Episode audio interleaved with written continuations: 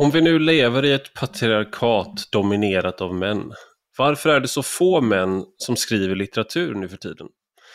Varför domineras tidningarnas kultursidor och bokförlagen av kvinnor? Skrivarlinjerna och universiteten också. Tre fjärdedelar av alla bokdebutanter är kvinnor. Män läser allt mindre och unga män skriver allt mindre. Går vi miste om något när mäns röster försvinner från skönlitteraturen? I dagens podd pratar jag med författaren Andres Stopendal vars senaste roman Dunning-Kruger-effekten kom ut i november förra året. Den handlar om en namnlös man med mycket typiskt manliga problem. Och jag kan varmt rekommendera den här boken av flera skäl. För den är väldigt rolig men den känns också sann i brist på bättre ord. Jag känner igen mig själv, jag känner igen män jag känt och fortfarande känner i bokens karaktärer. Men det är inte bara en bok för män såklart. Däremot är den ovanlig just för att perspektivet inte känns så feminiserat. Återigen, i brist på bättre ord. I en nyligen publicerad essä på Aftonbladets kultursida så skriver Stopendal om hur en matriarkal klick styr på författarskolan Biskops Arnö. Ett ganska vågat begrepp i dagens klimat, men jag tyckte att det var väldigt intressant och jag ville fråga honom om detta och i dagens podd så pratar vi om huruvida denna matriarkala klick, de normerna som, som den ger upphov till, också styr på andra områden i samhället.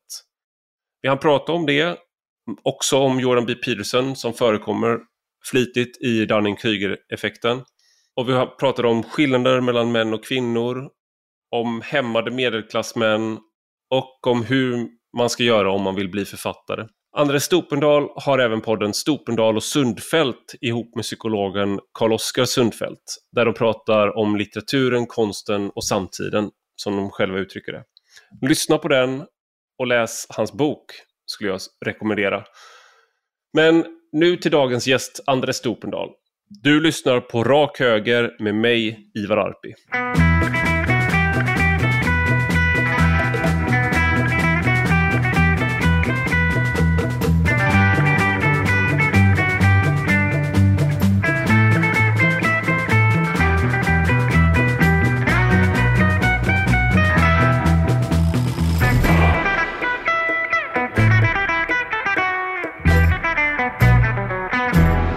Välkommen Andres Stopendal till Rak Höger.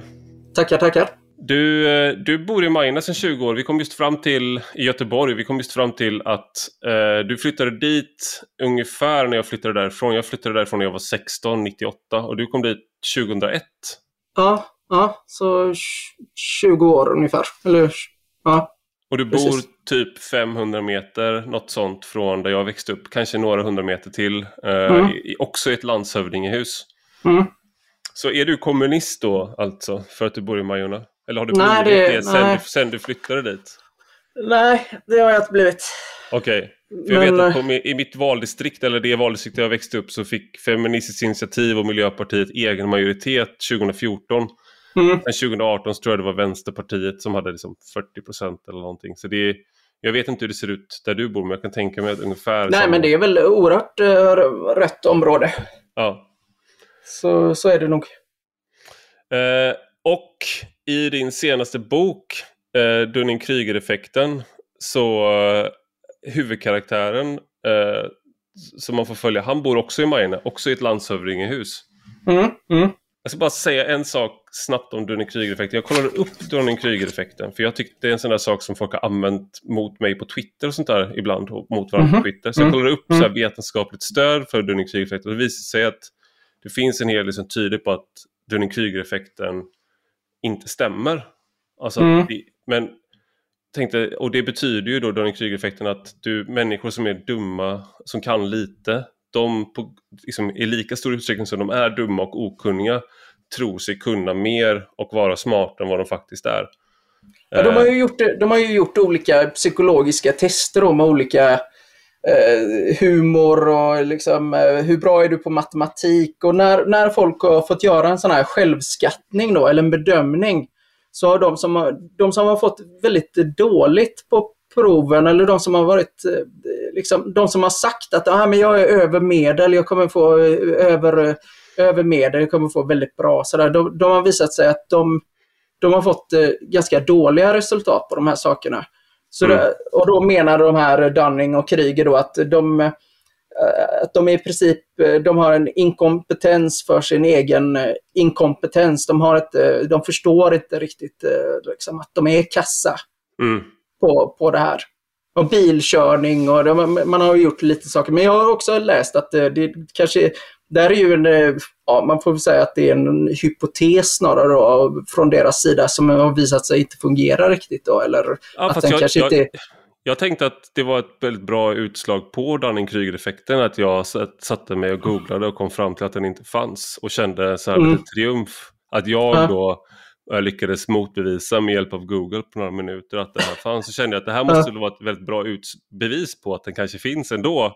Eh, ja. Att jag liksom, haha, Ja, du menar- finns menar inte. så, Titta vad kompetent jag är så jag kan forska i tre minuter på Google och motbevisa saker. Så att jag är liksom, i, i min forskning har jag kommit fram till att Dunning-Kruger-effekten kanske inte finns. Jag ville bara börja med det. Okej, Eh, okej. ja.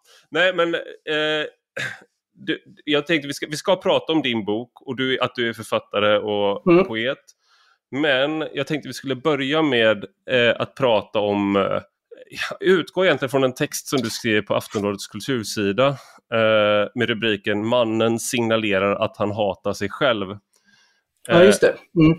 Och i den så, så utgår du, alltså det här blir lite intrikat så vi ska guida lyssnarna lite här, men en författare som heter Johan Heltne, han har skrivit en bok där han, eh, vad ska man säga, där han gick igenom sina erfarenheter av att gå på författarskolan Biskops Arne och hur liksom han upplevde det och att han kände att han var han kom från livets, han är uppvuxen inom Livets Ord som, som sekt och liksom den, han, den uppgörelsen med sig själv han hade där, tar Mm. sig ur den och sen så hamnar han så att säga i en ny sekt ungefär.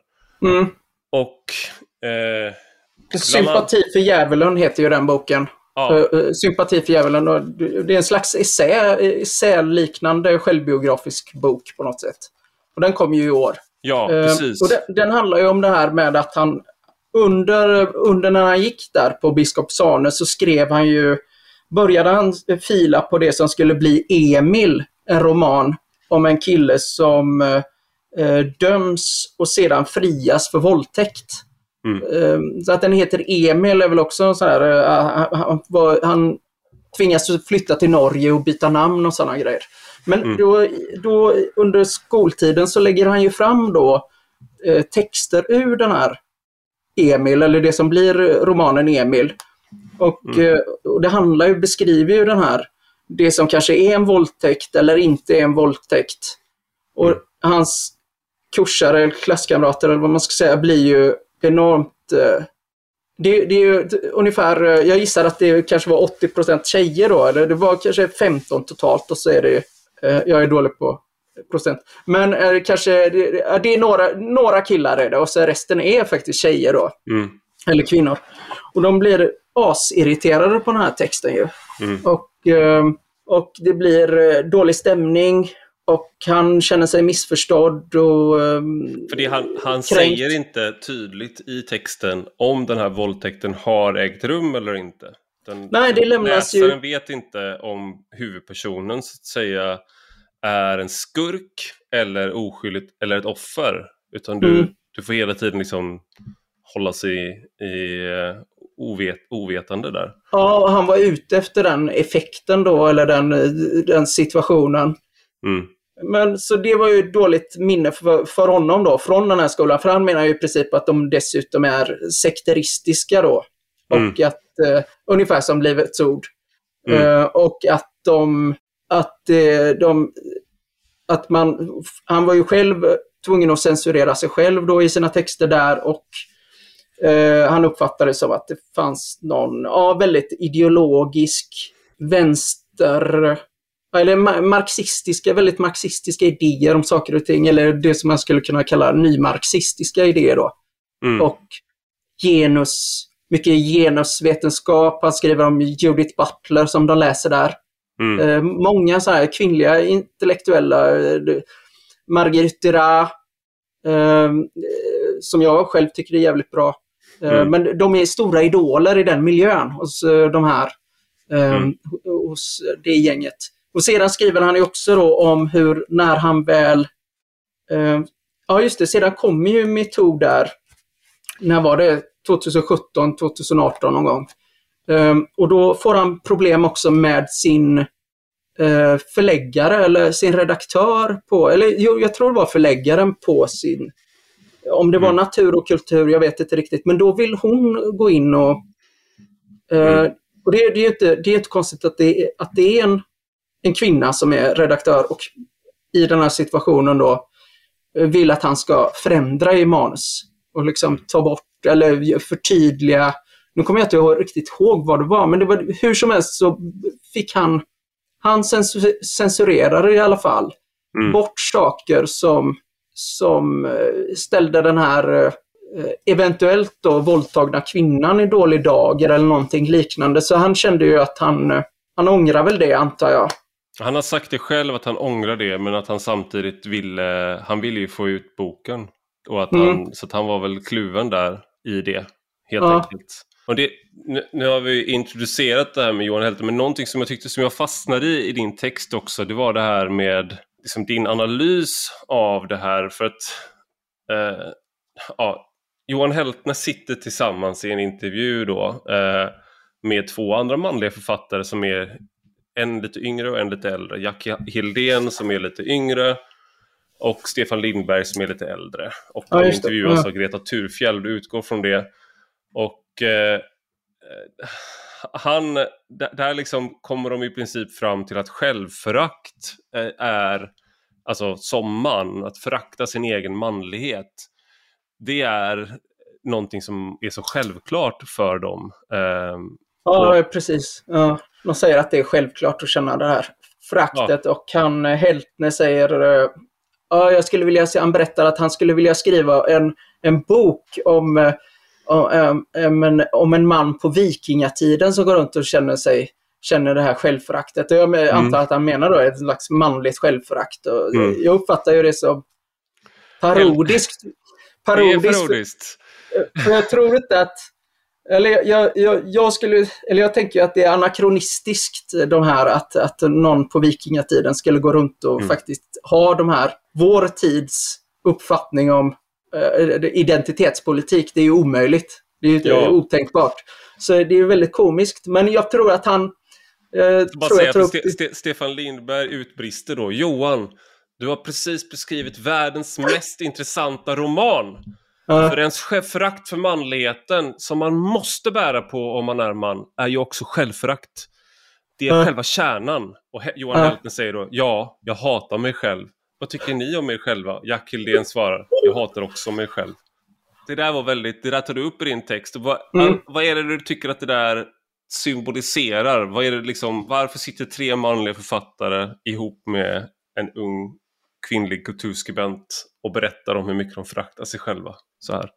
Eh, eh, jag, eh, jag vill inte vara astaskig mot dem i och för sig sådär, men jag, jag tänker att det är ett, ett, konstigt, det är ett konstigt spel som jag inte vet om det är jag kan tänka mig Heltner verkar ju lite, lite smådeppig och, och sådär. Han, han kanske verkligen hatar sig själv. Jag vet inte. Jag vet inte, de andra kanske hatar sig själva också. Men är det autentiskt eller inte? Det känns som det, det, känns som det också är någonting man, de säger eventuellt på skämt. Det går, framgår ju inte riktigt. Antingen menar de allvar i det de säger eller så, så är det någon slags någonting de bara säger för att eh, eh, eh, som, som, en eftergift då för den här kvinnliga intervjuaren eller det är, det är någonting som eh, jag reagerar på att, det, att jag inte förstår riktigt vad de håller på med. För jag, jag menar, eh, om man inte hatar sig själv på riktigt så tycker inte jag man ska säga det på något sätt. Eller jag tänker att man, ska man verkligen slänga sig med det? Jag, jag reagerar liksom med att jag tappar lite förtroende för att det de säger är autentiskt eller att de mm. är autentiska i det de sitter och säger. Mm. Men som jag eh, eh, nämnde för dig när vi talade häromdagen, tror jag var, så, så jag känner Heltner litar jag mer på i det han säger i den intervjun än vad det de andra, han är ju väldigt, han svarar ju väldigt käckt som du beskrev där, den här andra, jag kommer inte ihåg vad, vad hette han, inte Hildén. Ja, Stefan Lindberg. Eh, Stefan Lindberg svarar ju liksom omedelbart och rappt och liksom, mm. han är verkligen med på noterna och direkt liksom, ja men det är ju mm. självföraktet är ju självklart. Och, mm. och så här, men jag vet inte, är det, är det, är det bara en, eh, en pås som man måste ha i vår tid i, i kulturvärlden då, om man är man då och ska skriva? Det är ju mm. många som Eh, jag vet inte om det är i den texten, men jo, de är ju ganska överens om att kvinnorna är bättre, alltså tjejerna är bättre på att skriva, de är bättre. Och liksom det, är ju, det uppfattar inte jag som helt självklart heller att kvinnor är bättre på att skriva. Det kan ju vara att många män helt enkelt att eh, författaryrket och skrivandet kanske inte har den höga status som den hade en gång i tiden. Och så skulle det faktiskt kunna vara att det har försvunnit väldigt många, alltså om man försöker se det rent sociologiskt då på mm. eh, litteraturvärlden och det, det, är kvinnorna som är redaktörer, det är kvinnorna som är eh, höga chefer ofta eller i, i hög grad. Och mm. Det är en sak som jag oroar mig för lite ibland när det kommer till just eh, när det gäller litteraturvärlden är att det, eftersom kvinnor på ett moraliskt plan kanske är bättre generellt Eh, eller är mer, eh, är mer eh, som Peterson brukar köta om, att de är mer välvilliga i allmänhet eller i genomsnitt. Mm. Så, och, men också eventuellt lite mer neurotiska än män i allmänhet. Mm. Så, alltså att, så man, försöker vara, man försöker vara väldigt god. Mm. Och då, då är det också lätt hänt då att som eh, Heltnes eh, eh, Heltnes förläggare där att man då att man faktiskt inte vill ha de här otäcka sakerna i böckerna. Nej. Och då, då, får man ju faktiskt ett, ett problem, eller med eh, ett visst censurproblem skulle man kunna säga då, om, eh, för en viss typ av texter. Mm. Och det, det, du, du, skriver om det, det, du skriver om det, det ökar. Ja, ja, med, med kvinnans eh, om det blir, om kultur, om kulturvärlden eller litteraturvärlden blir väldigt kvinnligt dominerad på de eh, posterna i de, så, med eh, övervägande kvinnliga, eh, vad säger man, grindvaktare eller väktare eller port... Gatekeepers heter det väl på engelska. Ja. Eh, så, så, så kan, det, eh, så kan sådana saker faktiskt påverka Eh, påverkar litteraturen en hel del. För du skriver om, så här, för mig framstår det allt som att det biskops Arne Heltner beskriver utgjorde ett, ett, en genuint matriarkal klick. Vad menar du med det och hur definierar man det? Liksom, och vad, vad är signifikansen av det begreppet i den här typen av sammanhang? Jag tänker att om det är väldigt många uh, unga kvinnor då eventuellt uh, som är uh, väldigt eh, kanske politiskt korrekta eller väldigt medvetna och vill vara progressiva och sådär i en sån miljö så tänker jag att det, det, då kan det bli lite en eh, material, matriarkal klick. Eller att det blir, det blir lite en, eh, som ett killgäng eller i det här fallet då ett tjejgäng. Och då, då gäller ju vissa saker i det gänget. Mm. Jag tycker det på något sätt är common sense. Uh, men Heltne tar ju upp det, men han samtidigt så han försöker göra motstånd mot det här uh, på något sätt. i Det är som han inte riktigt vill.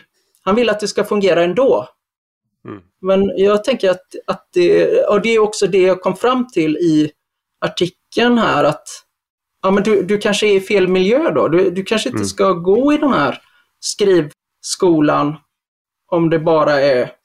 Eller det kanske inte passar en kille som vill skriva om de här råa, lite mörkare erfarenheter eller lägga fram de här sakerna. Men jag tänker också, jag tänkte senare att det kanske, han kanske också väljer att skriva om, om vissa saker som en form av protest i den miljön. Eller att han vill, han vill faktiskt eh, göra, han vill opponera sig mot de här, eh, mot de här, eh, vad ska man säga, att det blir en, eh, det, det blir eh, på något sätt eh, en feminisering av den miljön och att då, då är det vissa saker som ska talas om. Jag har en kompis som jobbar på en, en arbetsplats där det bara jobbar, eller han är ensam man i princip där.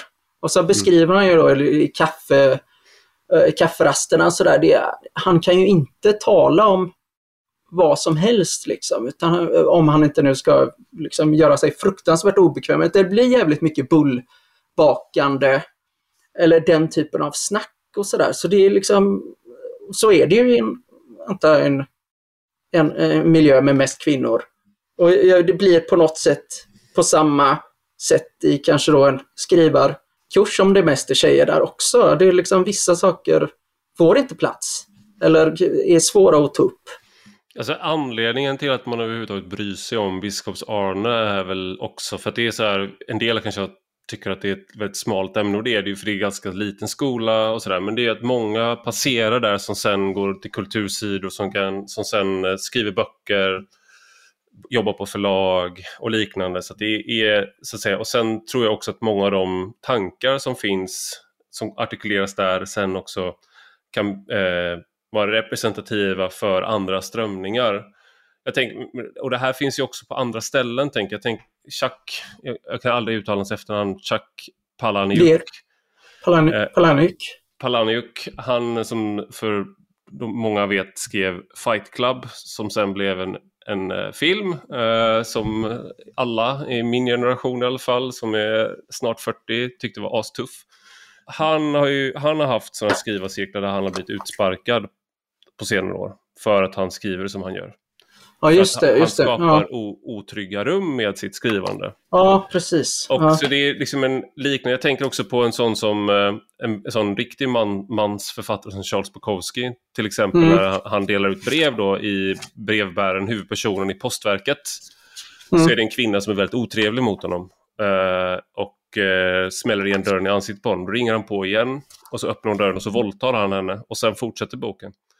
Det är ju inte heller så tryggt rum, så att säga, Nej. att läsa den boken. Det är ju inte så här någonting man kanske ligger och läser i sängen och så här, mm, mm, mm så här, myser med på det sättet då kanske. Eh, och kanske inte heller någonting som man skulle ta upp och högläsa på ett, eh, liksom en runda bordet-läsning eller sådär på Biskops Arne då. Mm. Eh, för att det är, finns liksom ingen problematisering av handlingen i sig, utan det är liksom en, han går ju bara vidare där. Jag misstänker att det skulle vara så att det, det, vissa av de texterna blir omöjliga i det som då är ett tryckt rum. Eller det som kanske, eh, eh, om, det, om jag ska vara helt ärlig, om det är mest tjejer, så mm. tror jag att det, en längtan efter det trygga rummet och det säkra rummet. Mm. Och där man kan vara ja, trygg på olika sätt. Och eh, är det uppstår när det är eh, mer kvinnor eller när de är i majoritet. Jag vet inte om du har läst den här boken eh, The Coddling of the American Mind? Ja, av, av uh, Greg, Greg Jonoff och... Jonathan Haidt. Precis, ja det har jag gjort. De tar ju egentligen upp det här väldigt bra liksom. De tar upp det här med liksom safe space.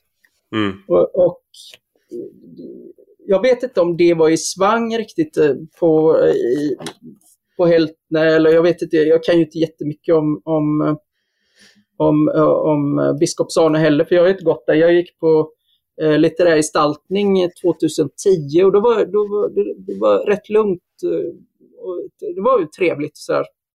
Men jag kan tänka mig på senare år, om jag spekulerar, så det, där eh, längtan eller äh, det, det trygga rummet eller safe space som ideal, det, det, det, kan även ha påverkat, misstänker jag, svenska skolor och universitet och att det också är någonting som det, att det håller nog på att bli lite ett problem.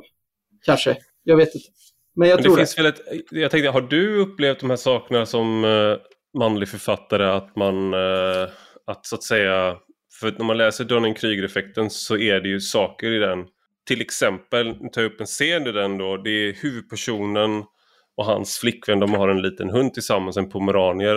Eh, mm. och där de då sitter vid frukostbordet och buktalar via den här lilla hunden när de läser tidningen. Hunden kommenterar med liksom förvrängd röst nyheter.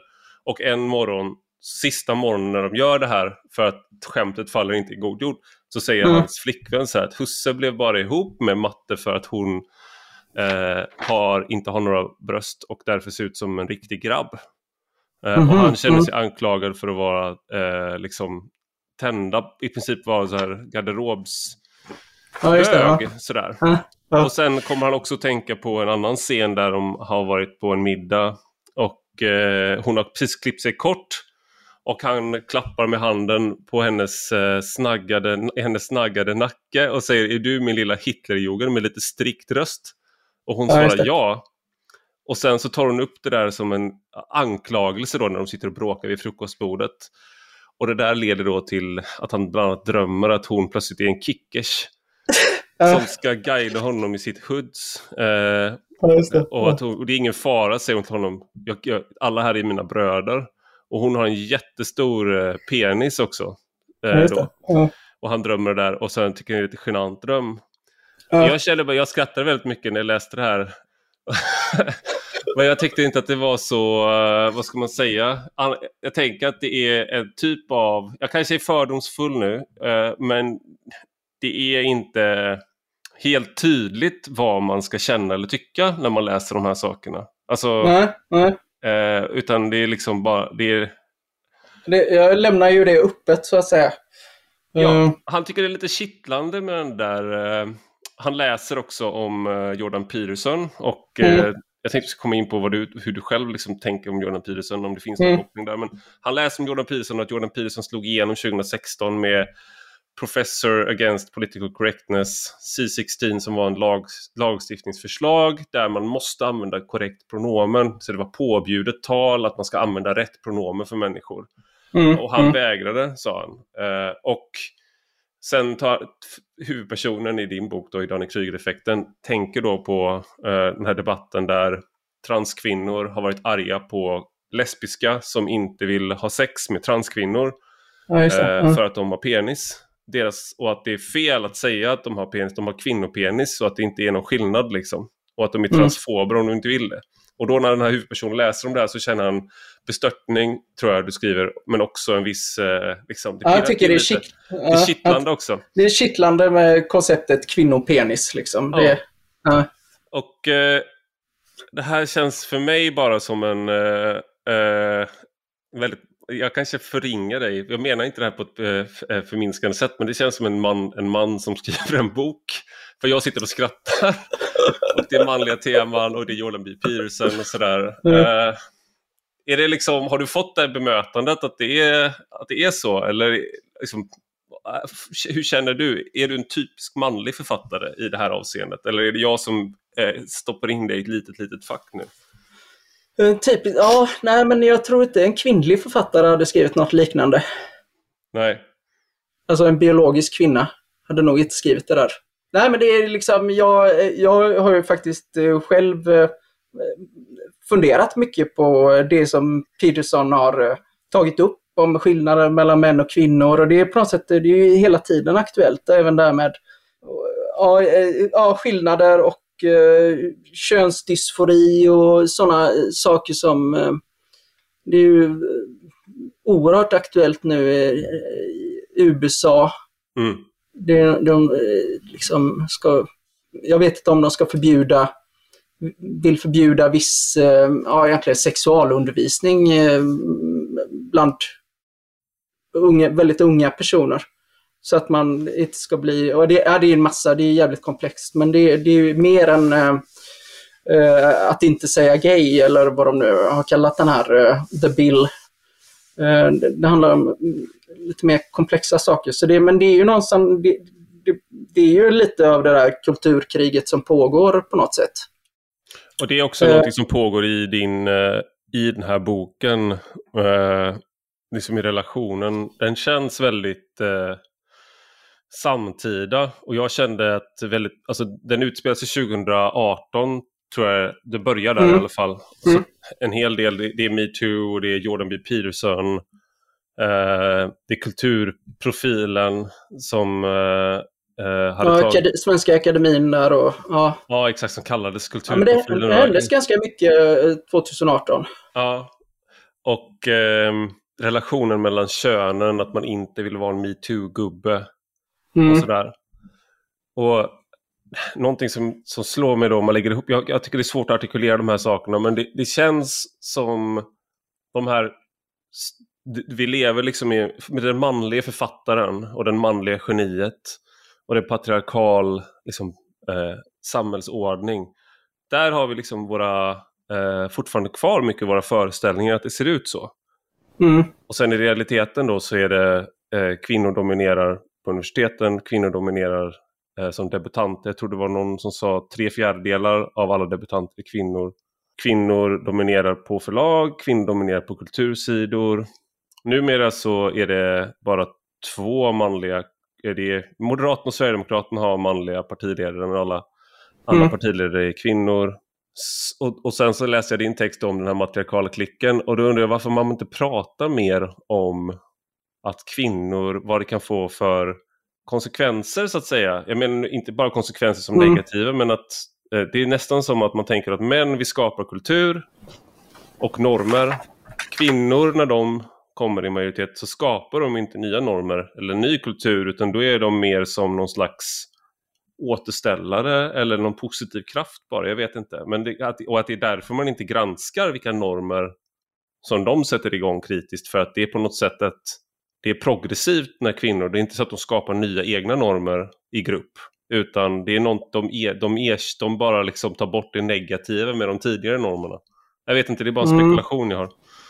Nej, men det, det, jag nämner ju det också i artikeln där i Aftonbladet lite att eh, jag tror i början nämner jag någonting om att det är liksom ja men i Heltnes skolklass eller där på Biskop Sarne så när det är mest kvinnor och det är mest kvinnliga lärare, för det beskriver han ju också att det är mest kvinnliga lärare, och, och, som kvinnliga lärare som har väldigt, väldigt hög status, som är nästan heliga då, så eleverna kanske till och med är lite rädda att in, ha invändningar och ifrågasätta dem och sådär. Det är inte helt ovanligt i, i sådana sammanhang. För eh, ja, unga personer och så kommer det någon eh, författare eller poet som har nästan kultstatus, då blir det, det där, det blir lite kultigt, eller då blir det de här auktoriteter då. Men, mm. men eh, det är samtidigt personer som vägrar att erkänna att de har auktoritet, för de lever ju i ett patriarkalt samhälle. Mm. Så det är ju liksom männen alltid som har, är auktoriteter eller har, har makt. Då. De mm. har ingen makt själva för de är kvinnor och har ingen makt. Mm. Och det, då, det liksom blir ju en brist då kanske i, i självförståelsen där. Men det, blir också, det uppstår ju också eller då blir det ju också en miljö som präglas av kvinnlig psykologi. Och då kan mm. man ju antingen, och, då, och det som du, som du nämnde tror jag, eller som vi båda är inne på, det är liksom, jag tror det är lite tabu helt enkelt att ens erkänna att det finns kvinnlig psykologi. Mm. manlig psykologi existerar och den är ju toxisk för det mesta då va. Och det är toxiskt och dåligt och kast och uselt och sådär. Mm. Så den manliga psykologin och det, matte, det som man skulle då kunna kalla det eh, maskulina patriarkatet, den är, det, är, där har man enbart negativa konnotationer och associationer. Men om man gräver lite i de här sakerna så, och läste som jag gjorde lite eh, analytisk psykologi av de som har skrivit om matriar det matriarkala och patriarkala så, så, så nyanseras det här väldigt mycket. Eh, Erik Neumann till exempel som skrev eh, lite ur den här boken då om the, the fear of the feminine som jag citerar lite. Mm. Eller där jag i alla fall hämtar de eh, begreppen. Alltså att eh, alltså, maskulina eh, normer eller eh, drag och eh, vad ska man säga, eh, jag kommer inte på ordet, men alltså värderingar och också, de kan ju vara väldigt goda i ett samhälle också. Eh, liksom om, man, om man ser det, eh, den, den mer modiga mannen eller den beskyddande mannen eller den, någon som verkligen tar hand om skyddar gränsen mot fienden. Eller, mot Ryssland. Låt oss, mot Ryssland låt oss tala klarspråk. Ja, precis. Man vill gärna ha sådana män och jag lyssnade ju faktiskt på det var ett jävligt bra avsnitt faktiskt med han Joakim Paasikivi man vill ju väldigt ha eh, en sån god, eh, en god gubbe som liksom har koll. Och, men, du vet, det här händer om man, eh, om, om man skjuter ett pansarskott där så träffar den bränt, äh, ammunitionsdepån i själva... Äh, ja, men det, det är asgött. Man, som man tror jag att man, man njuter av att höra sådana saker. Oh. Och jag tror man njut, njuter mer än kvinnor generellt sett man får alltid lägga in att det, någon kvinna kan ju njuta oerhört mycket av det där också i och för sig. Men jag tror att män kanske mer generellt älskar att lyssna på sådana saker. Man älskar att höra om hur, hur eh, en Desert Eagle fungerar. Eller du förstår, någonting Absolut, jag så, förstår. Och det, så det, det finns ju skillnader mellan män och kvinnor, men de, de, blir, de, blir, de blir också tabu och när det blir, när man då jag tror det, det är få helt enkelt som vill ta i det faktum att ja, men på den här arbetsplatsen eller skolan eller skolmiljön när det blir en jävla diff mellan män och kvinnor, när det är mest kvinnor som jobbar eller äh, väljer att gå i en äh, humaniorautbildning så blir den också påverkad av, av kvinnorna och, och äh, i, i värsta fall, eller det som kan vara ett problem, eller det som de tar upp i The Coddling of the American Mind, är också då att det, det, att det blir de att det kan bli det här eh, starka, ett starkt begär också på grund av att eh, kulturen är som den är och den är jävligt influerad av Amerikas grejer hela tiden. Väldigt, väldigt influerad tror jag. Och att då blir det verkligen då blir det en fix idé där med safe space. Mm och att man, man, jag känner mig otrygg när ni säger att eh, eller att det, det, det, det, är fel av er lärare att säga att, att det är gravida kvinnor, det ska vara gravida personer eller gravida människor. Så, sådana saker som, som ärligt talat är nonsens får en väldigt stor plats i en miljö där man vill vara väldigt välvillig också. Mm. Hade det varit mer män och Bosse hade kommit fram och sagt ja men jag vill att du ska säga gravida personer istället. Mm. Och eh, Göran är professor istället för Anneli, 60 år. Mm. Så skulle eh, Göran säga, men nu fan, du är inte professor, det är jag som är professor. Mm. Håll käften och gå och sätt dig liksom. Det här är bara nonsens. Du snackar bara skit. Men i, i en miljö jag vill inte raljera för mycket, men jag tror att det, att det ligger någonting i det här ändå. Men i en miljö som blir mer feminin på det, på det sättet så tror jag det blir svårare för att folk vill kvinnor kanske i högre grad vill skapa den här miljön som är, faktiskt är trygg och, och bra och man vill lyssna på alla då som har invändningar. Men det kommer ju också balla ur till slut. Eller det kan ju balla ur också för då, då försämras ju utbildningen. Då, man kan inte, då måste ju, man måste ju kunna utbilda på en lärar, eh, läkarlinje. Det måste ju kunna vara eh, riktig, riktig vetenskap. Va? Så det, men jag tror de här jag tror ändå utifrån det jag har hört och, och sett lite så tror jag att det, sådana problem uppstår. Jag tror också en, någonting som jag Eh, det här är ju liksom personligt för mig men också andra har pratat om att när man växer upp så är ju inte, å ena sidan så påstår man att man växer upp i eh, ett patriarkat, man har manliga privilegier och sådär. Men, och det kan, en del av det stämmer beroende på vad man menar. Men eh, jag skulle också säga att de miljöerna som jag har rört mig igenom i skolan, man har Eh, Eh, kvinnliga lärare har vissa beteenden som är positiva, andra är negativa. Eh, sen gick jag på i en skola eller en klass där eh, 75% var kvinnor, eh, eller tjejer. Eh, och sen har jag läst på universitetet ämnen där de allra flesta är, är, är kvinnor. Många av mina lärare har varit kvinnor. Och sen eh, så har liksom, jag skulle inte säga att allting som är traditionellt manligt är negativt i de här miljöerna. Men att vara till exempel intresserad, som du var inne på då med pansarskott och sånt där. Att vara intresserad Mm. av krig, som jag skulle säga då, väldigt, de flesta män är intresserade av krig på ett eller annat sätt. Du behöver inte vara en sån här eh, macho-person, du kan vara intresserad av krig på många olika sätt. Du kan gilla att sitta och leka Warhammer, liksom. Men det, Mm, man är- mm. eller spela dataspel som handlar om krig. Eh, men tävling, krig och sånt där.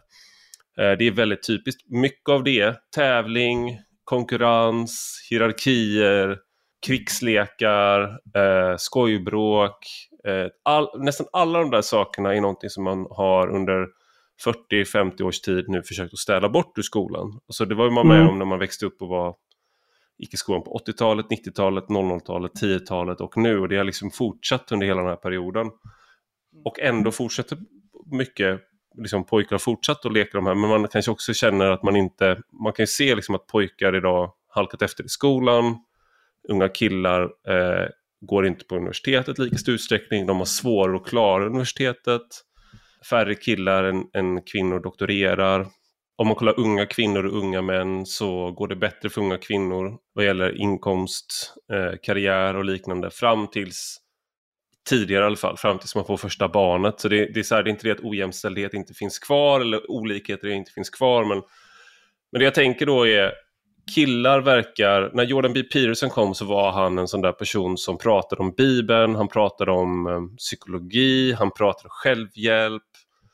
Men alltså, han pratade om saker som om man kollar historiskt, om man kollar andra människor pratar om, det, så är det nästan bara kvinnor som läser den typen av självhjälpsböcker, det är kvinnor som dominerar läsningen av Mm. dem. Eh, man pratar om religion, det är kvinnor som är religiösa till stor del, åtminstone i kristna länder. Och här kommer någon då som tilltar, som lyckas nå unga män i väldigt stor utsträckning. Inte bara Anna-Karin Windham, eh, som jag skrev genusdoktrinen ihop med, eh, hon var den som introducerade mig till Jordan B. Peterson. Eh, och hon är ju Mhm, liksom en, en, en, hon är lite äldre än vad jag är och eh, kvinna och högutbildad, så hon passade inte in i liksom, stereotypen på vem som introducerar Jordan B. Peterson. Sådär. Mm. Eh, men jag försöker komma fram till här, ska mynna ut i en fråga. För det är någonting du tar upp i boken, det kändes som att jag var med i boken ett tag. Eh, just att han, eh, han det handlar om, han tar upp Jordan B. Peterson och blir bemött väldigt, folk blir extremt fientliga till honom bara han tar upp att Jordan B. Peterson eh, har sagt någonting. Eller, alltså att han, man nämner honom utan att fördöma honom bara. Eh, han är Mm. inte så jättepositiv till honom men han är heller inte så här supernegativ. I början liksom, så han är inte så supernegativ men bara att han ens tar upp honom så han, går han in i ett getingbo. Liksom. Och det Mm. där, jag tänkte höra om du liksom, jag vet att nu rör jag mig från ro- roman till författare på ett sånt här, eh, på ett sånt här sätt som är, är lite ofint, så här, från fiktion till verklighet. Men jag upplevde verkligen det där i verkligheten. Att Jordan B. Peterson sa det vore bra om ni städade era rum och fick ordning på era liv. Och folk bara, åh, kan någon ta bort den här mobbarmatch? Kryp tillbaka in under din sten, ta bort den här mobbaren ur offentligheten. Mm. Mm. Och bara, gud Nej, vad var töntigt att folk lyssnar på den här personen. Mm. Har du någon tanke om varför man reagerade så? Eh, han, han, han kan ju ha tryckt på en um punkt på något sätt. Men jag vet fortfarande inte riktigt vad det var han gjorde. Men han analyserar ju saker som eh, folk faktiskt har problem med. Eller jag menar, livet är ju inte lätt. Han har ju själv eh, oerhört... Han är ju jävligt konstig faktiskt på vissa plan. Ja. Eller väldigt underlig. Men eh, jag uppfattar honom ändå som, han är ju äkta i sitt eh, intresse av att, att pusha, pusha unga män eller att det han säger, han är på riktigt i, i, sin excentricitet också. Han han är, han är, jag uppfattar honom som äkta i, i det han säger och sådär. Eh, jag tycker, jag har ju lyssnat själv, läst en del och lyssnat på hans föreläsningar och jag tycker vissa saker är verkligen asintressanta och sådär. Eh, men nej, men han... Eh, just den här scenen när han, huvudpersonen i boken, tar upp Peterson så blir ju han den här idéhistorikern då som blir arg honom, eller han blir ju arg på eh, Peterson, att han överhuvudtaget, att han överhuvudtaget nämns. Och att det, det är liksom... Smockan hänger i luften och Ja, fan, precis. tar du upp han Jordan B. Peterson, hur undstår Ja. du dig? Men han, är är- skämt. Ja, ja, nej, men han är ett skämt. Och det, hur kan man ta honom på allvar? Och liksom, det, det, det är väldigt starka känslor. Som, men det, är väl att han, eh, Peterson eh, rör upp saker som, som faktiskt är, är allvarliga eller på riktigt. Och mm. det var folk inte vana vid. Också, jag, tänker också, jag tänkte på hans roll för... Alltså, han måste ju ha gjort mest av någon de senaste årtiondena för eh, alltså, intresset för Bibeln eller kristendomen eller för religion överhuvudtaget. Han är ju intresserad av väldigt mycket my mm. mytologi och mytologi, historia och eh, jag blev influerad av att läsa, läsa den här Erich Neumann som är Jungs eh, lärjunge kan man säga. Han skriver ju fruktansvärt bra då. Mm. Ett geni. Han skriver bättre än Jung själv, skulle mm. nog Peterson också säga. Men även eh, Joseph Campbell och, som höll på mycket med mytologi, komparativ mytologi och sådär. Det är fruktansvärt intressanta saker som han, mm. han öppnar dörren för. Väldigt mycket intressant litteratur, Peterson. Jag hade en ehm. misstanke om att anledningen till att han inte explicit äh, citerar Joseph Campbell särskilt, särskilt, ofta är att så mycket är väldigt likt. Och att man ja, då på något verkligen. sätt äh, döljer det genom att låtsas att den personen inte var så viktig för en. Uh, ja. För att jag, jag, Joseph Campbell då som skrev The Hero with a, with a thousand faces, tror jag kom i slutet av 40-talet. Han influerade bland annat de som skrev manus till Lejonkungen. Så han hade liksom en standardberättelse som han berättade. Det här följer ofta en mytologisk berättelse mm. om en hjälte, liksom, som han kallar uh, The Hero's Journey. Och då mm. så skrev de manusförfattarna Lejonkungen ut efter de principerna. Star Wars också. Star Wars också, ja. Precis. Och då, det, för den som är intresserad då så finns det en bok som heter uh, The Power of Myth där man, uh, Joseph Campbell blir intervjuad av Bill Moyers. Det finns också på YouTube. Uh, men där de pratar bland annat om Star Wars, Sagan om ringen liksom uh, Bhagavad, Bhagavad Gita och liksom hinduistiska myter och Arthur-legenden och sånt där. Det, det, där var min inkörsport till de här frågorna när jag var tonåring. Jag, tyckte, mm -hmm. jag kände igen mycket i, i Jordan Peterson i det där. Men mm. jag tänkte en sak som, jag, som stod mig och som jag tycker är intressant med din bok och med din, din text är också att man tar män på all, allvar på ett sätt. För att eh, jag ska tänkte att jag skulle läsa högt ur en ny en text som kom nu bara häromdagen av eh, Filip Varkander som är lektor i modevetenskap, eh, författare och han, han skriver på Expressens kultursida. Han skrev om han utgick väl från den här örfilen som Will Smith utdelade på Chris Rock. Uh, toxiskt. Och, eh, toxiskt och att allting liksom direkt då hamnar i just det. Att det det handlar om är liksom en det är manlighetens mörker, eh, det, det, är liksom en toxisk uppvisning i toxisk maskulinitet. Alla liksom kommer, kommer ridande på sina feministiska käpphästar. Eh, men han tar också upp dig och att liksom, han menar då att vi, har liksom, vi lever i en kultur som snarare liksom, kanske har tecken på ett matriarkat, skriver han. Och så skriver han så här då. Kvinnor dominerar den samtida litteraturen och har högre utbildningsnivå än män. Instagramkontot mansbebisar har nästan 160 000 följare. Numera gissar man inte utan killgissar. Man förklarar inte utan mansplainar, vilket förstås är illa. Män i grupp beskrivs genom dessa begrepp som oförmögna till vettiga sociala kontakter. Samtidigt definierar sig bara 10% av unga män numera som feminister, vilket inte är svårt att förstå när manlighet så ofta beskrivs som ett problem som måste lösas. Inte heller är unga mäns politiska dragning åt höger värst märklig när man ser hur liberaler och vänstern talar om dem. Grundproblemet är detta. Det offentliga samtalet om manlighet utgår från en vulgärtolkning av genusperspektiv. Den bakomliggande maktanalysen är trubbig och ofta felaktig. Ringa hänsyn tas till den verklighet som många män och kvinnor faktiskt lever i idag. Resultatet är en ökad polarisering där många män helt enkelt inte känner igen sig i det breda offentliga samtalet. Ja, det är väl lysande analys. Eller det är väldigt, eh, jag tycker det är klockrent, det han skriver. Tänkte på, på det för att just Jordan Peterson, han och, och eh, vi ska inte, vi ska inte, det är inte Jordan Peterson-podden det här. Eh, och jag har inte, jag har inte pratat om honom på länge. Men han, det här just att vända sig till män och prata med män om deras problem. Om sånt som de upplever som problem.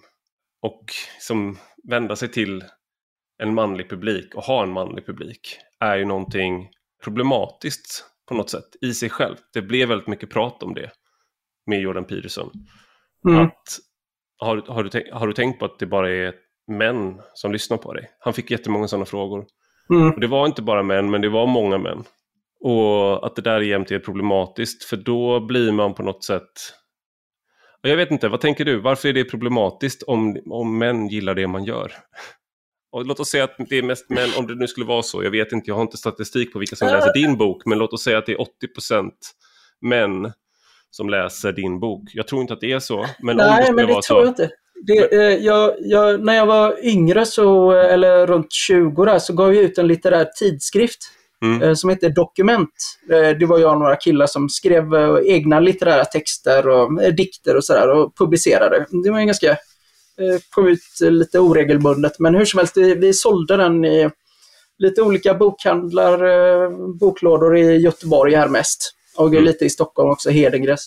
Men så gick jag till museet, Eh, eller konstmuseets butik där och frågade, jag tänkte nu ska jag göra en marknadsundersökning här. Vem- Vilka är det som köper den här tidskriften egentligen? Eh, och tidskrifter kanske generellt, litterära tidskrifter som ni säljer här. Och sådär. ja, men det är nog ja, det är kvinnor mellan 20 till 60 och ja, det, är, liksom, ja, det är nog 70% kvinnor.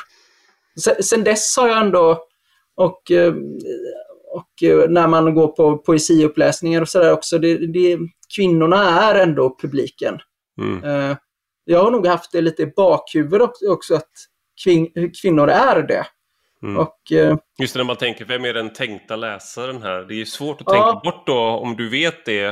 Och Ja, jag vet ju att det är kvinnor Ja. som är, är, är publiken. Det, det liksom, men samtidigt så tror jag inte att jag kanske eh, riktar in mig eller har det som. Nu, det här måste kvinnor gilla. Mm. Utan så, så tänker jag inte. Men jag tänker att ja, men jag, i alla fall på senare tid eh, eller eh, jag måste vara också lite också lite Jordan Peterson och eh, eh, Carl Rogers-influerad tankegång att man, ja, man måste vara, jag måste vara autentisk i det jag gör. Eller jag måste, Mm. jag måste själv tycka om det här. Och ehm, om, jag tycker det, om jag tycker att det är intressant det jag skriver så borde ändå andra tycka det är intressant. Och om jag tycker det här är roligt, ja då borde ändå några tycka att det är roligt. Men om, om jag är falsk eller liksom trixig, då, då, då kommer det inte landa så väl. Nej. Och det, det, och jag, med den här Dunning-Kruger-effekten var det, den blev ju lyckad på det sättet att folk uppfattar den som rolig och eh, liksom, jag skrev ju en del, skrev ju en del grova grejer i den sådär men det, det uppfattas eh, folk tar det jävligt bra och eh, så det, den landade precis rätt. Så det är väl Mm. väldigt, det är väldigt glädjande på något sätt att ja, nej men vad fan, så kan man också resonera. Den har ju knappt någon vettig handling höll jag på att säga. Den är ju lite annorlunda bok.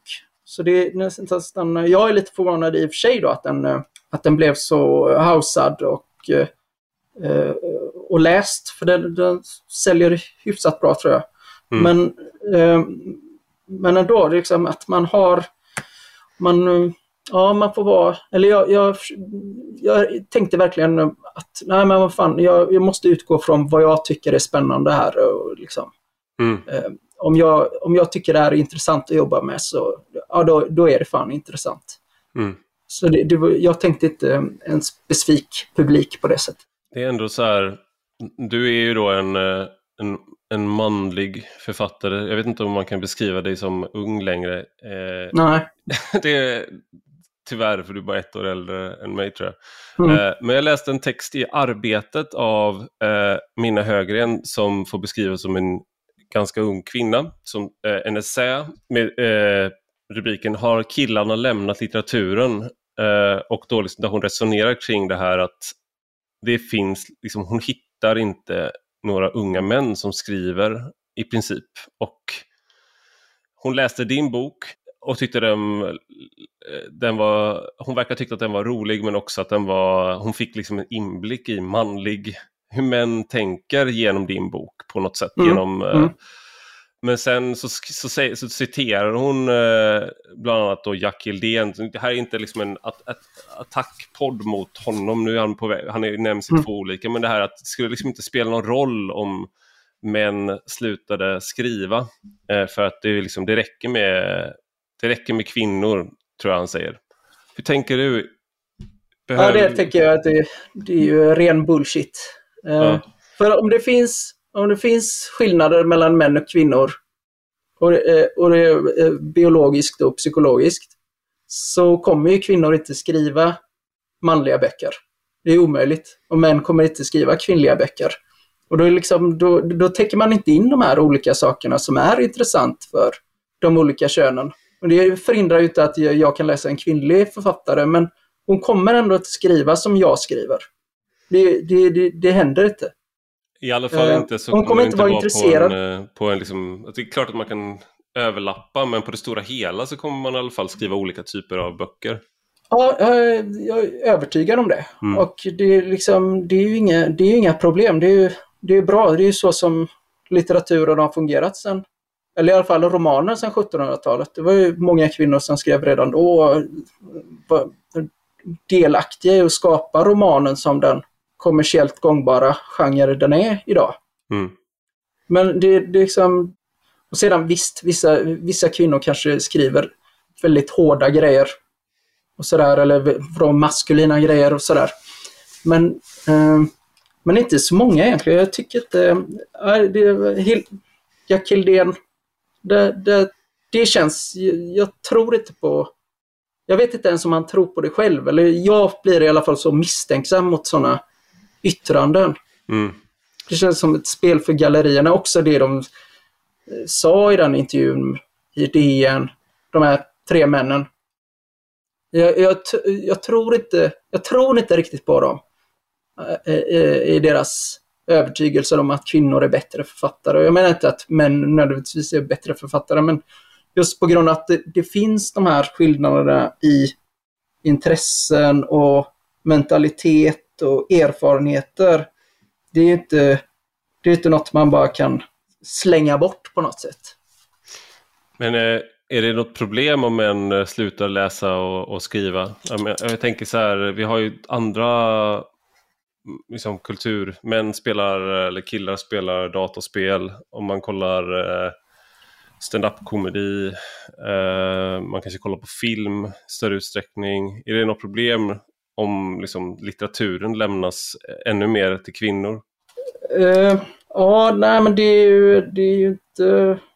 Det är inte asroligt det är inte asroligt att inte ha så mycket att läsa av män. Liksom. Så nej, det, det är ju inte bra. Eller det kan ju inte vara bra.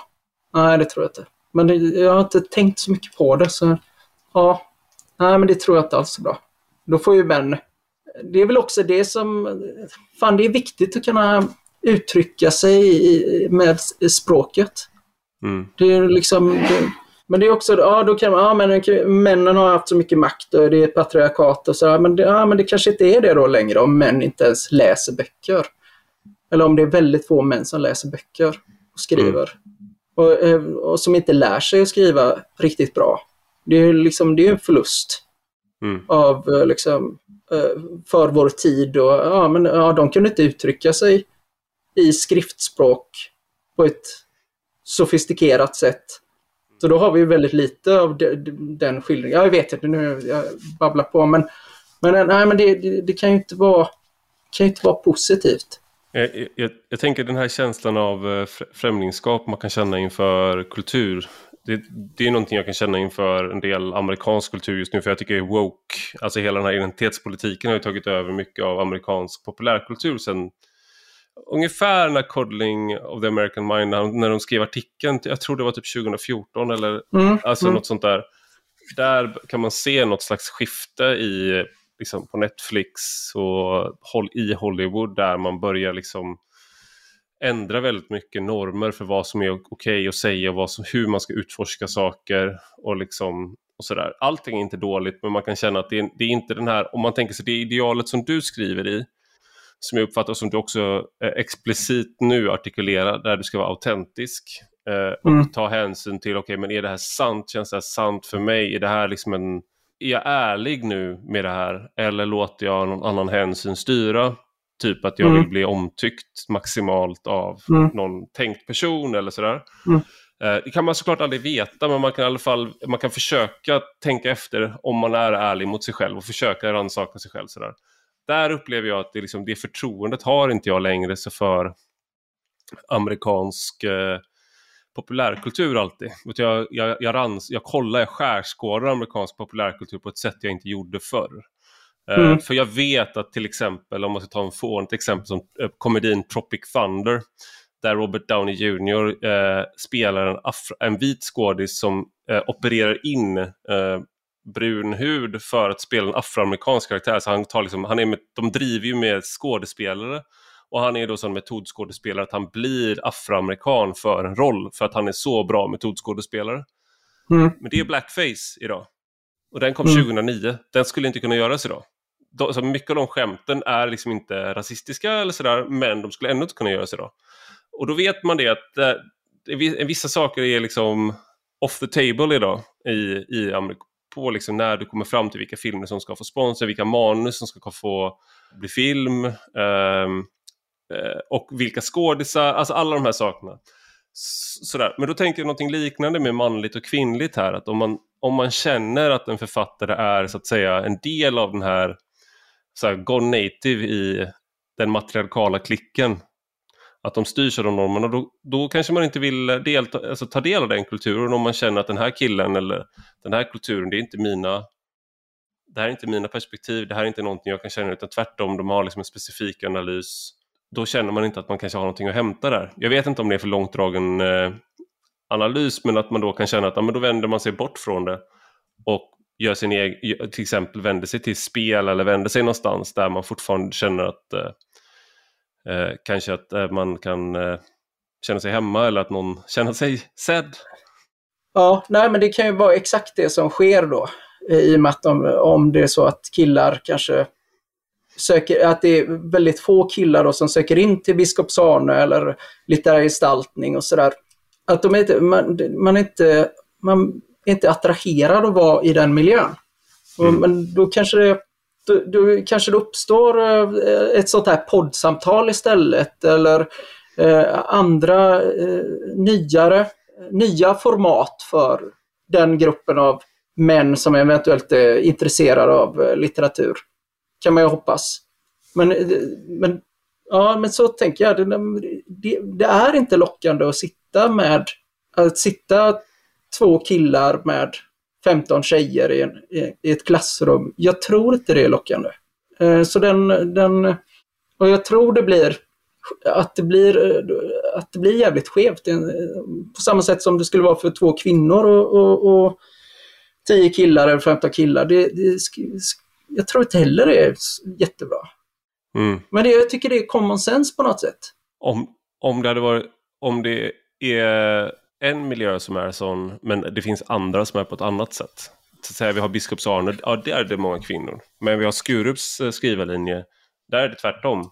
Om det fanns liksom en, uh, olika skolor här, så att säga, där man hade kanske olika, tydligt olika stilar, olika perspektiv och det var olika författare som var, där kanske det var då vissa skolor som kanske hade då drog till sig fler män för att det passar den, den stilen eller någonting. Ja men då skulle det kanske vara mm. en annan fråga också men nu pratar vi om liksom en kulturell förändring kanske som är på där biskops Arne då blir intressant för att det är det, det är så att säga kultur, en, eh, en högborg för skrivande och där människor passerar och det är väldigt eh, eh många unga lån passerar som sagt. Så att där blir det intressant men det är också någonting som sker på andra arenor eh, och sådär någonting jag, som jag tänker som du tar upp i, i eh, eller som ett tema som du tar upp är den här hämmade medelklassmannen.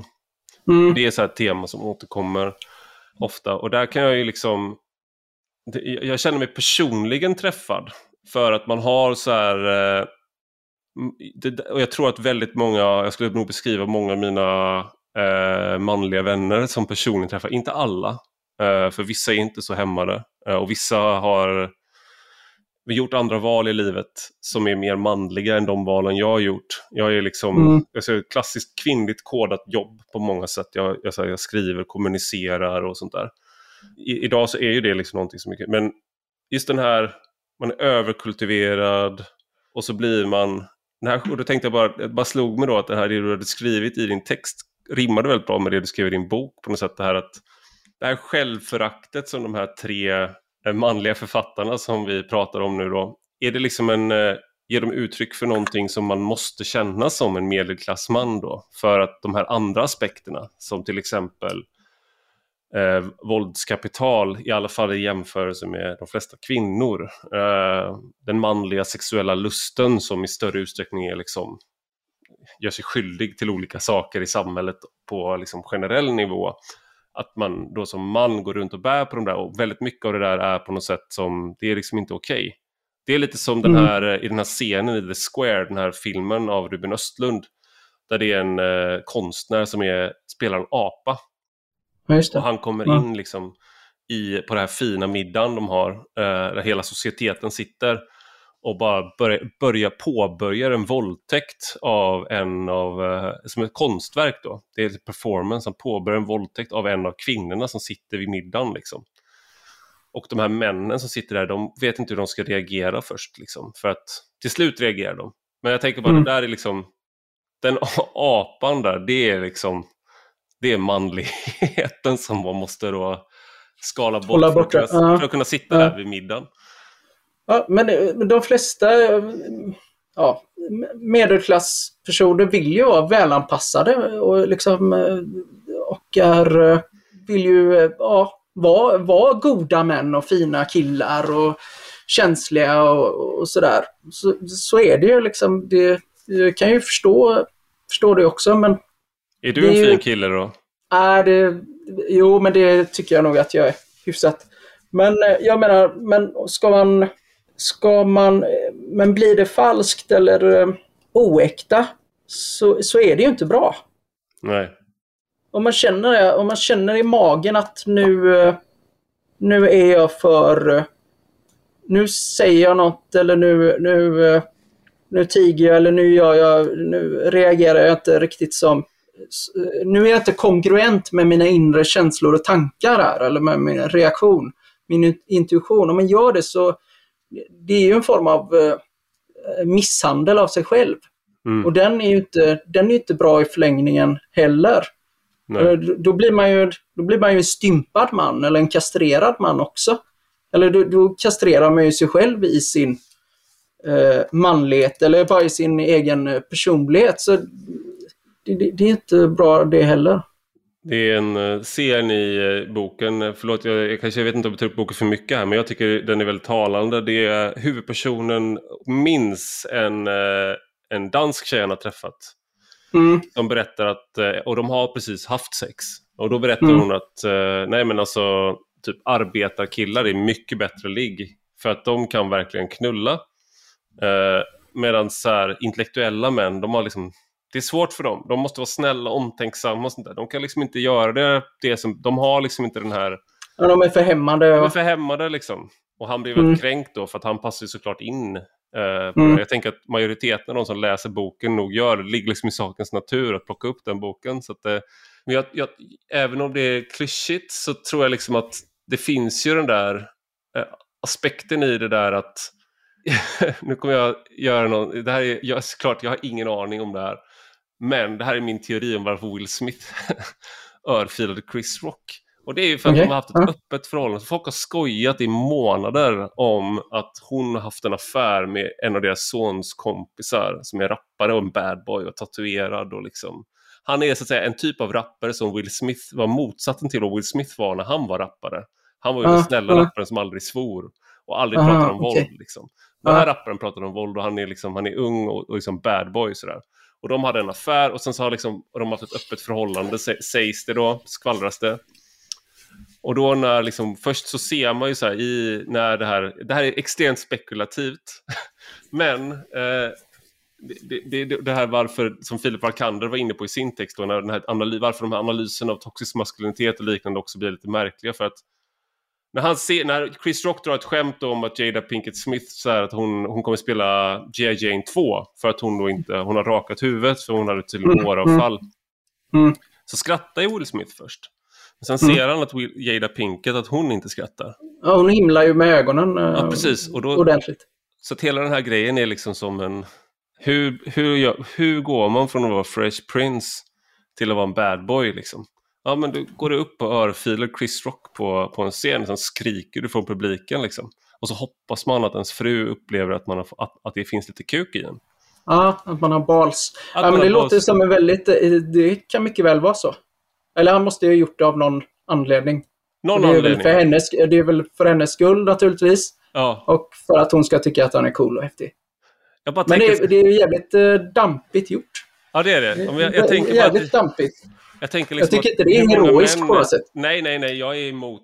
Alltså jag tycker det är liksom... Uh... Att slå Chris Rock, det är ju som att klappa till en clown också. Alltså det är ju väldigt omatch. Hade det varit en annan... Hade det varit mer... The Rock? Ja, The Rock. Då hade ja.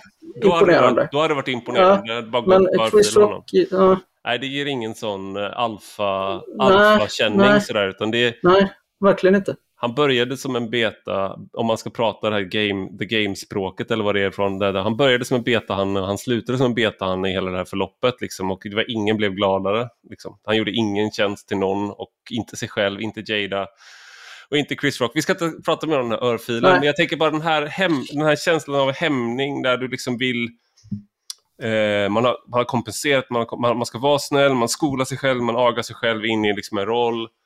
Uh, ja, alltså väldigt socialiserad liksom. Man blir väldigt socialiserad. Och det som bara slår mig då med att många av de här manliga författarna som, eh, alltså, som anses manliga, de skriver ju mm. egentligen på ett sätt då som ofta, där man bryter ner det där. Alltså att du får använda det där våldet, du får överträda de där gränserna. Som Fight Club, en, jag har svårt att tänka mig att den hade blivit populär om det inte var våld med. Låt oss säga att mm. det var inte en fight club, det var en knitting club. Män möts mm. i hemliga klubbar och stickar liksom. Och sen så är det gerillastickning där de sätter upp sin liksom, gerillastickning på lyktstolpar och liknande. Det är en hel rörelse liksom, under, underground. Försvinner lite kittling i, i det där.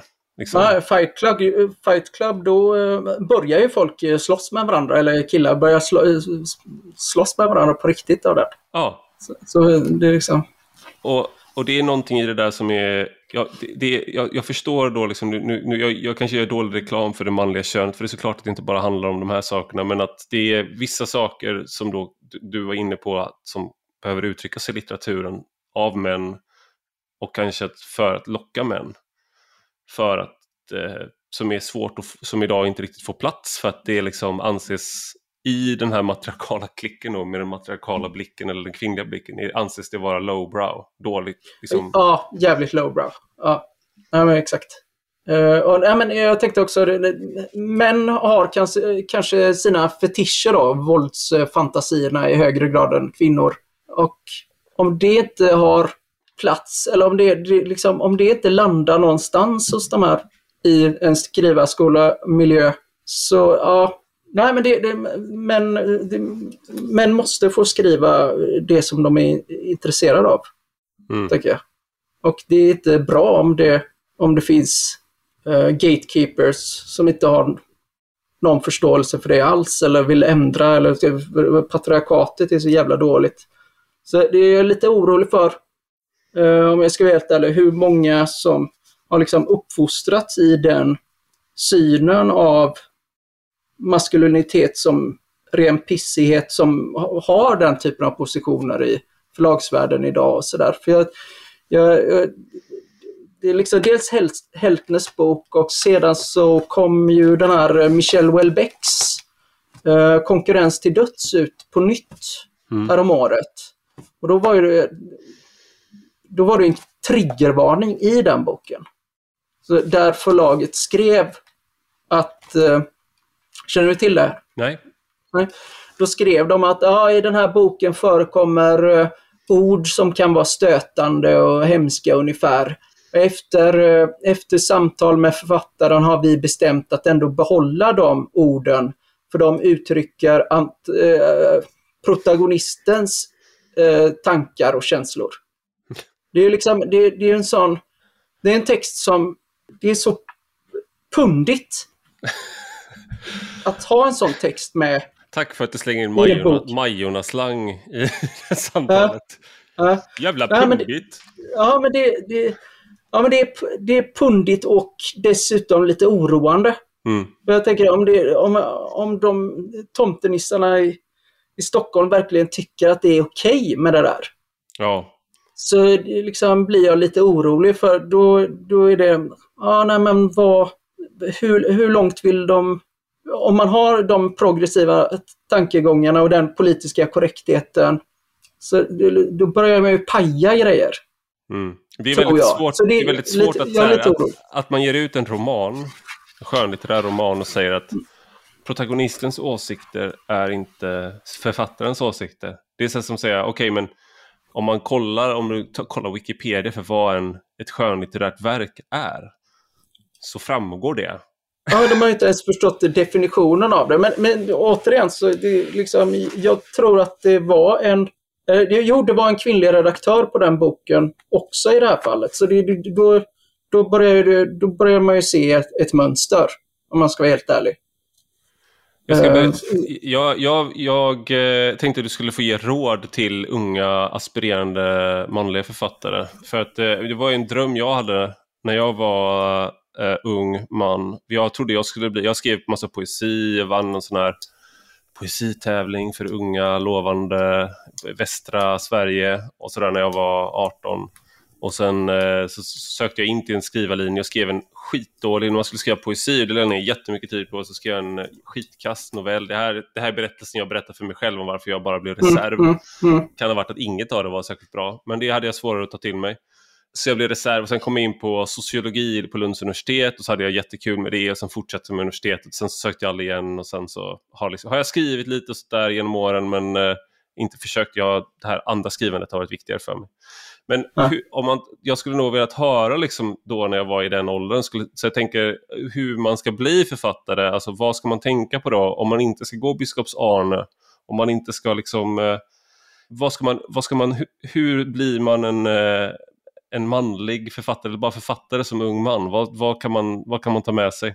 Follow your bliss, som eh, Campbell skulle ha sagt. Nej, men jag, jag är asdålig på att ge råd. Ja. Uh, Skriv mellan 1 men... och 5 om huvudpersonen i den Kryger-effekten då för att ge råd. Ja. ja, men precis. Nej, men det är ju, jag är ganska odisciplinerad och men jag försökte, med den boken försökte jag, lyckades få den klar i alla fall. Men ja, det är, man måste, ja, nej men jo, jo, det här vet jag. Man ska nog läsa den här Stephen King-boken om att skriva. Mm. Den är faktiskt jävligt bra. Jag har också läst den jag kan också rekommendera den. Jag, jag har läst den flera gånger och ja. han eh, trycker ju som fan på det här med uh, disciplin. Mm. Och uh, till slut, är det, om man ska få något gjort så måste man ha, den, ha den bilden av ha en lite mer professionell inställning och det har man ju inte när man är riktigt ung. I alla fall hade inte jag det. Jag var mycket mer flummig i mitt tänkande och mer romantisk. Och mm. mycket mer inspiration, jag trodde mer på inspiration. Att ja, men jag har ingen bra idé och jag, jag får skriva när jag får en bra idé. Men det, det är bara att sätta sig och skriva några timmar om dagen. Mm. Så till slut, om man följer det där, så är det så, dels kan man ju ha, lida av eh, prestationsångest sådär, men till slut när, om du väl har bestämt att ja, du måste sitta framför skrivbordet några timmar nu, eller två timmar, då spikar man det, tre, fyra timmar också, men man kan ju börja med lite färre timmar. Men, men eh, till slut så skriver man någonting i alla fall för att det är så jävla tråkigt att bara sitta och inte göra någonting. Då. Mm. Man kan ju inte slösurfa eller någonting utan man ska sitta framför den här eh, Word, sitta i Word där och skriva. Då. Så till slut händer saker. Om man, om mm. man, eh, om man står ut med det så, så kommer man ju en bit på vägen. Och att man eh, får tänka att det behöver inte... Man kan tänka att var Sven Lindqvist som gav det tipset. Att ja, men det får gärna bli skit idag det du skriver. Mm. Du ska bearbeta det imorgon eller i övermorgon eller liksom om en, om en vecka. Men så man, liksom, man, kan, man kan nästan uh, ha som mål, idag ska jag skriva skit. Liksom. Mm. För en del kommer ju bli skit naturligtvis, men det stryker man ju sen bara. Mm. Så det är sådana råd som jag... Det är Stephen King och Sven Lindqvist och Uh, Jan Guillou, ja man kan ju läsa min bok faktiskt så får man mycket av det här den krigareffekten, för det handlar ju om det här också. Han har ju jävligt ja. svårt med sin disciplin och uh, hur han ska förhålla sig till skrivandet och mm. vad han ska skriva och hur han ska skriva och sådär.